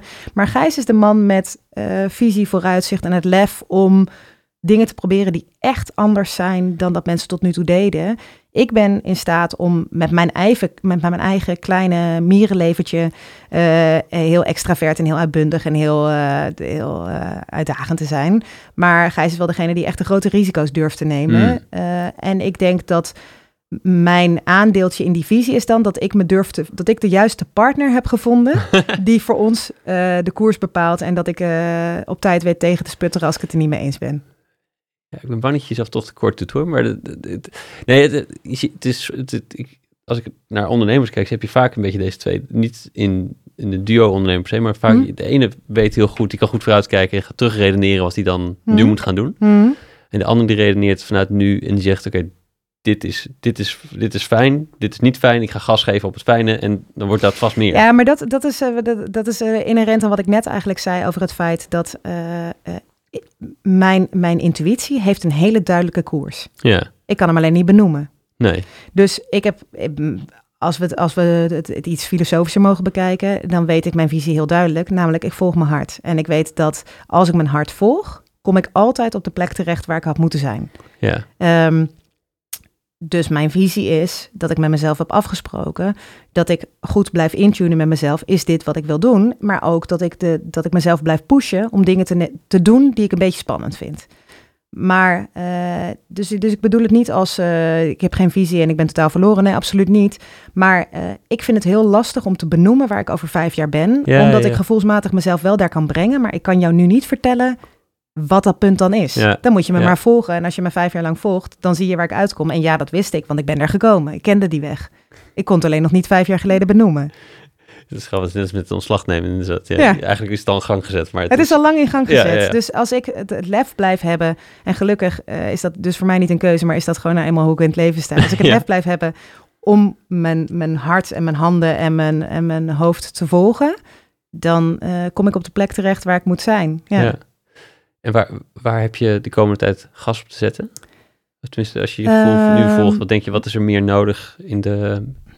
Waar ik echt mijn aandacht nu op wil richten is eh, ehm, vertraging. En daarmee bedoel ik, ik ben heel erg van de snelle ideeën en de snelle slagen. Ehm, maar ons bedrijf zit nu op een punt waarin het heel goed is om terug te kijken wat we gedaan hebben, wat succesvol was, analyse van wat er heeft plaatsgevonden eh, en wat de markt nu ook nodig heeft. Ehm, en eh, dat is iets wat eh, niet heel intuïtief bij mij komt, maar wat ik heel interessant vind om uit te zoeken en wat me ook heel veel oplevert. Dus een heel concreet voorbeeld. Eh, wij hebben een eigen webapplicatie, een eigen beheer ontwikkeld. Ehm, die heeft ons heel veel data gegeven over de afgelopen jaren. En we zijn nu heel nauw bezig met een- data-analyse. Om ook te kijken, we hebben intuïtief onze doelgroepen altijd gekozen. Ja. Maar om nu ook te kijken, oké, op basis van de gegevens die we voorhanden hebben, die feitelijk zijn, die niet gevoelsmatig zijn, klopt de koers die we nu gekozen hebben? Of liggen er een aantal doelgroepen voor ogen die voor ons eigenlijk veel logischer op dit Ja. moment zijn? Ja. Dus, dus waar, ligt, waar heb ik nu gas op te geven? Juist op de vertraging. Ja, grappig. Mooi. Ja, het is ook wel een beetje het seizoen ervoor. Een beetje de Ja, winter zeker. en Ja. eh, komt eraan en zo. Ehm, en wat heb, jij, wat heb jij te ontwikkelen de komende tijd? Eh, diplomatie. Oh ja? Ik heb, eh, ik ben een flap uit. Eh, ik, Niet. Ik, ik, eh, zeker. ik, en ik ehm, ben heel, als je mij eenmaal kent, ben ik heel respectvol naar wat iemands behoefte is. Maar ik ben iemand die over iemands grenzen heen kan gaan. Zonder dat dat mijn bedoeling was. Doordat ik dingen eruit gooi. Omdat ik in de veronderstelling verkeer dat ik dingen moet kunnen zeggen. En dat jij wel reageert als, als je het daar niet mee eens bent. Want daar heb ik altijd ruimte voor. Maar eh, zo zit niet de rest van de wereld in elkaar. dus ik denk dat ik heel veel winst te behalen zou hebben op het moment dat ik ehm, zou leren nadenken voor ik spreek. Dat is niet een van mijn sterke kwaliteiten. Of van mijn sterke punten. En ehm, ehm, als ik, eh, ondanks dat ik dingen vol goede bedoelingen doe, ze ook meer in ogenschouw zou houden dat mensen soms andere behoeftes hebben en dat ik daar veel meer mee zou kunnen bereiken dan dat ik nu bereik. Ja. ja, En waar, waar, waar- je zegt het gelijk, ik weet dit, ik moet diplomatie. Is, is dit een thema wat een tijdje speelt? Of is er, is er een concreet, eh, wat, is, wat is de aanleiding dat je denkt, dit moet ik echt ontwikkelen? En los van de, de je noemt wel voorbeelden, maar dat, Ehm, nou, ehm, ik heb eh, in de boekiebabbels, waar ik eerder aan refereerde, dus de gesprekken waarin wij feedback geven aan onze medewerkers, maar waarin ze eh, mij en Gijs ook feedback geven, eh, heb ik in een later stadium wel eens gehoord dat mensen zeiden, aan het begin moest ik wel eens aan jou wennen. Dus om een heel concreet voorbeeld te noemen, ehm, om de communicatie op kantoor, maar ook online op kantoor, dus via de Slack en het Asana, weet ik veel wat, overzichtelijk te houden, hebben we twee termen die we hanteren. Enerzijds eh, onze, eh, onze leidraad voor de boekie in onze communicatie is makkie. Als iets niet makkie is, dan is het niet goed. Als onze klanten het niet snappen, dan is het niet goed. Dus dat is het woord waaraan we, dat is onze kapstok waar onze hele communicatie aan op moet hangen. ja, Ehm, maar interne communicatie is het woord mand. Eh, Mand komt voort uit het eh, filmpje van Maxime Hartman. korter. Korter, precies. Dus dat betekent dat ik heel vaak intern op de werkvloer, als iemand een verhaal begint te vertellen, dat ik kijk en dat ik zeg, mand. Omdat ik gewoon wil weten, wat is je punt? Wat wil je van me horen? Wat heb je nodig? Waarom Mm. spendeer jij 60 zinnen aan iets wat je gewoon... Je wil iets van me hebben, vraag dan gewoon wat je wil hebben. Je hoeft bij mij geen sandwich toe te passen met... hey, hoe is het? Zullen we misschien, la la la, dan de vraag... en daarna weer netjes af te ronden. Zeg gewoon wat je wil hebben en dan zeg ik ja of nee. Ehm, dat vind ik een hele prettige communicatietool. We hebben zelfs op Slack zo ingesteld dat als je een zin typt die langer is dan 40 woorden, dat Slack, de autobot van Slack, mand roept. En dat je dus korter moet zeggen wat je bedoelt. Oh, wat heerlijk. Ehm, maar ik had me niet gerealiseerd dat ik met mand ook voorbij ging aan eh, de behoefte van andere mensen om wel eh, meer de tijd te nemen om bepaalde dingen toe te lichten. Of wel meer behoefte hebben en dat ik die tijd ook neem. Eh, en uit een soort van eh, nou, hele zachte feedback kreeg ik terug van mensen. Dat ze zeiden aan het begin moest ik wel aan je wennen, want alles moet kort en krachtig. Hmm. Inmiddels ben ik eraan gewend en vind ik het heel prettig. Maar toen dacht ik, ja, maar je hebt het niet tegen mij gezegd in die maanden dat je aan mij moest wennen. Jij durft het nu pas te zeggen nu je me kent. Durf je te zeggen, ik vond dat eigenlijk wel even wennen. Ik had heel graag gewild dat je de ruimte had gevoeld in de maanden dat je aan mij moest wennen om te zeggen, ik moet wel aan je wennen. En ik denk dat dat onder andere voortkomt uit het feit dat ik niet heel diplomatiek ben. Ehm, omdat ik ervan uitga dat ik gewoon communiceer zoals ik communiceer. En dat jij dan wel communiceert zoals jij communiceert. Ja, maar dat is ja. dus niet altijd zo. Daarmee kan ik dus ruimte innemen van anderen, wat absoluut niet mijn bedoeling is. Ja, ik, ik, ik herken me van mezelf, als ik te veel woorden ga gebruiken, dan ben ik volgens mij goedkeuring aan het zoeken voor ook de redenatie er naartoe. Ja. En eh, dan heb ik dus niet de veiligheid om te zeggen nog in de relatie misschien, misschien met diegene om te zeggen, dit is mijn idee. Vind je het een goed idee? Ja. Dat gaan we doen. Eh, Ja. eh, En, en daarmee ga ik eigenlijk dus voorbij aan het feit dat je een relatie moet opbouwen. Ja. Mijn, mijn aanname is, ik heb jou aangenomen. ik vind je al goed. Je bent dus ook, je bent goed. Je bent precies Ja. goed zoals je bent. Dus die hele bullshit van goedkeuring vragen hoef je niet te doen, want anders had ik je niet aangenomen. Maar dat is natuurlijk niet hoe het werkt bij heel veel bedrijven. nee. Ehm, eh, plus ik kan met dezelfde mandversie, kan ik ook zeggen, kut idee.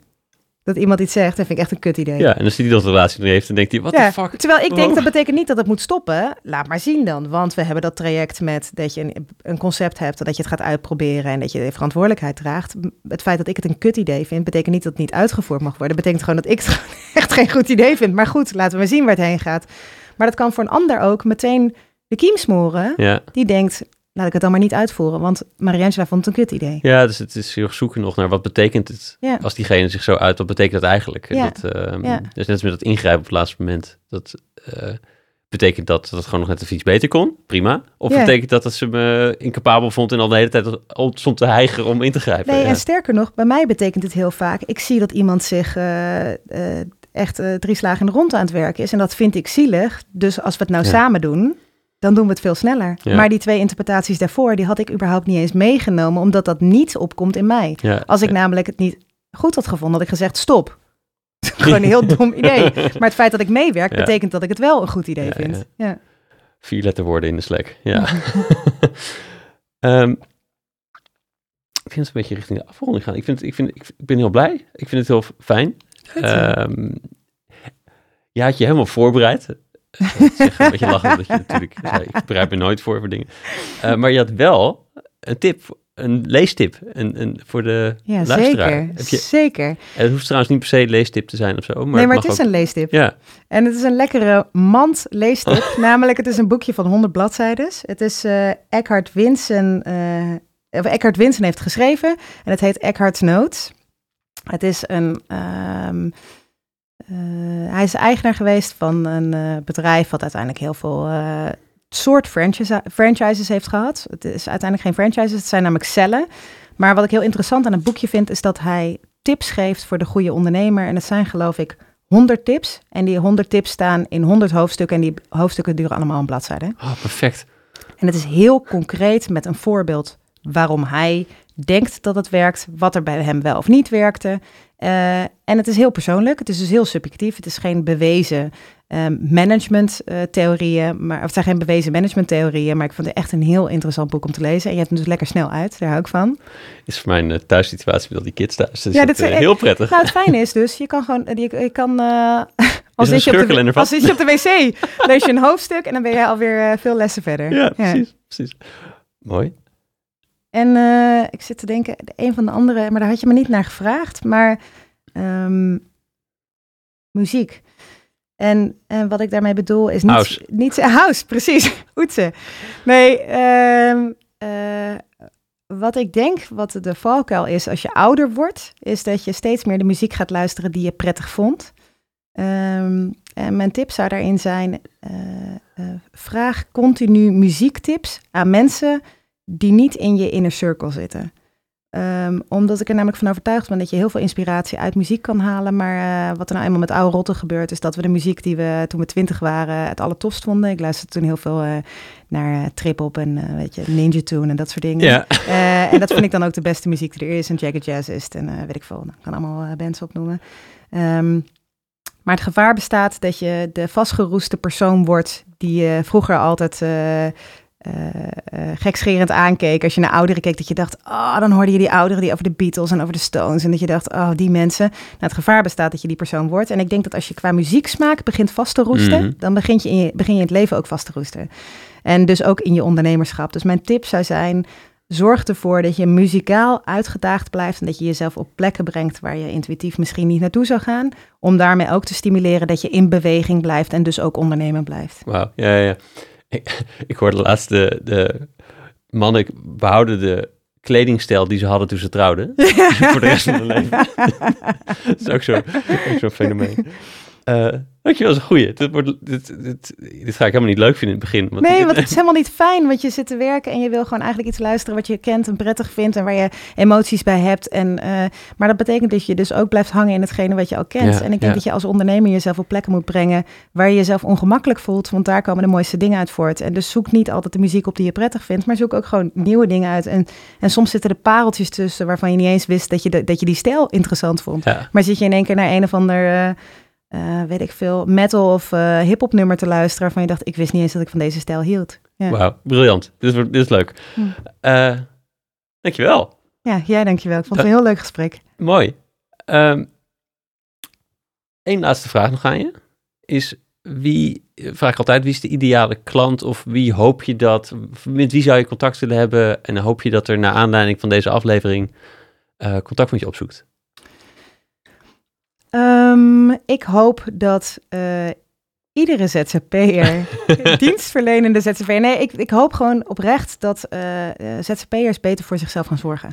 En het liefste zou ik willen dat ze klant bij ons worden, maar wij zijn niet geschikt voor iedere ZZP'er. We verwijzen ook heel vaak mensen door. Maar uh, um, ik, ik, hoop dat uh, ZZP'ers zich serieus nemen en uh, door ook hun administratie op orde te brengen. Want wat ik vaak zie als nadeel is dat ik denk, mensen zien het als het allervervelendste klusje wat ze hebben. Mm-hmm. Omdat ze alleen nadenken over het werk wat ze op dat moment moeten zetten. Maar ik vind een play schoonmaken, vind ik ook niet heel leuk. Maar ik zie wel wat het mijn, mijn badkamer oplevert op het moment dat ik dat gedaan heb. En ik hoop dat mensen zich meer focussen op wat uiteindelijk een goede administratie ze kan opleveren. Want dat zorgt er niet alleen voor dat je uh, belasting kan besparen, maar dat je ook meer grip op je bedrijf krijgt. En een van de dingen die wij natuurlijk ook samen hebben gedaan, dat je ook inziet, dit is gewoon niet rendabel wat ik aan het doen ben. Ik moet mijn uurprijs verhogen. En je ziet daarin bijvoorbeeld vaak dat op het moment dat je dat doet, dat je door de buitenwereld weer een stuk uh, serieuzer genomen wordt. Een soort visieuze cirkel. Dus um, wie wil ik dat... Uh, ik wil dat iedereen die hier naar luistert gewoon een keer op de site van de Bookie kijkt. Ja. En dan beslist, ik ga ofwel met de Bookie samenwerken of met een andere boekhouder. Hoeft niet eens bij ons. Nee, ja. die komt sowieso in de show notes. Ja. Maak je daar geen, geen, geen zorgen over. um, dankjewel. Ja. Dankjewel voor, uh, ik vond het echt een leuk gesprek. Ja, mooie verhalen. Uh, we maakten wel grapjes over de, over de kwartjes erin ging. Dit, was, dit was het goedkoopste gesprek ooit. Ik heb maar een paar kwartjes nodig. Um, ja, wat ik zei wat mijn vader zei. Je ja, er voor een kwartje in en dan komt er een knaak uit. Ja, een knaak ook, ja. um, en dankjewel voor uh, je persoonlijkheid ongeremd positief, volgens mij. Um, je, je bevlogenheid voor de, de, het Utrechtse, maar ook de, de, de kleine ondernemer, de mm. randjes. Um, en persoonlijk ook bedankt dat je mij in 2011 met Marien uh, ruimte gaf in de cult uh, dealer en de, in de kelder, ja. waar het voor mij eigenlijk begonnen is. Dus dankjewel. Zonder, um, zonder de kelder was ik hier niet, hadden wij hier niet gezeten. Dat sowieso, ja. want had ik je niet gekend. Maar ik had, was ook geen ondernemer geweest. Nou, dat vind ik echt dus heel... Dankjewel. Uh, dankjewel. Dat vind ik heel mooi om te horen. Ja, dus het einde. Ja. Althans, voor de luisteraar. Dit was het vanmiddag. Ja. Wil jij op de rode knop drukken? Ja, zeker. Ja, dat was hem alweer. Dankjewel voor het luisteren. Wil je zeker weten dat je de volgende aflevering ook vindt? Abonneer je dan op de podcast. Je weet hoe het werkt in de app die je gebruikt. Weet ook dat ik van alle afleveringen uitgebreide show notes met de lessen en de links uit het interview maak. Deze vind je op www.studiogeorge.nl slash podcast. En ik ben heel benieuwd hoe je het gesprek vond. Waar kon je geen genoeg van krijgen of waar zou je meer van willen horen tijdens de gesprekken? E-mail me op tijmen.studiogeorge.nl Als laatste, na elk interview werk ik één inzicht uit in een korte blog. Die stuur ik met liefde naar je inbox, gepaard met wat links die me inspireerden die week. Meld je aan voor dit espresso shot strategie op www.studiogeorge.nl slash shots of strategy. Allemaal aan elkaar. Heb een goede dag en tot de volgende.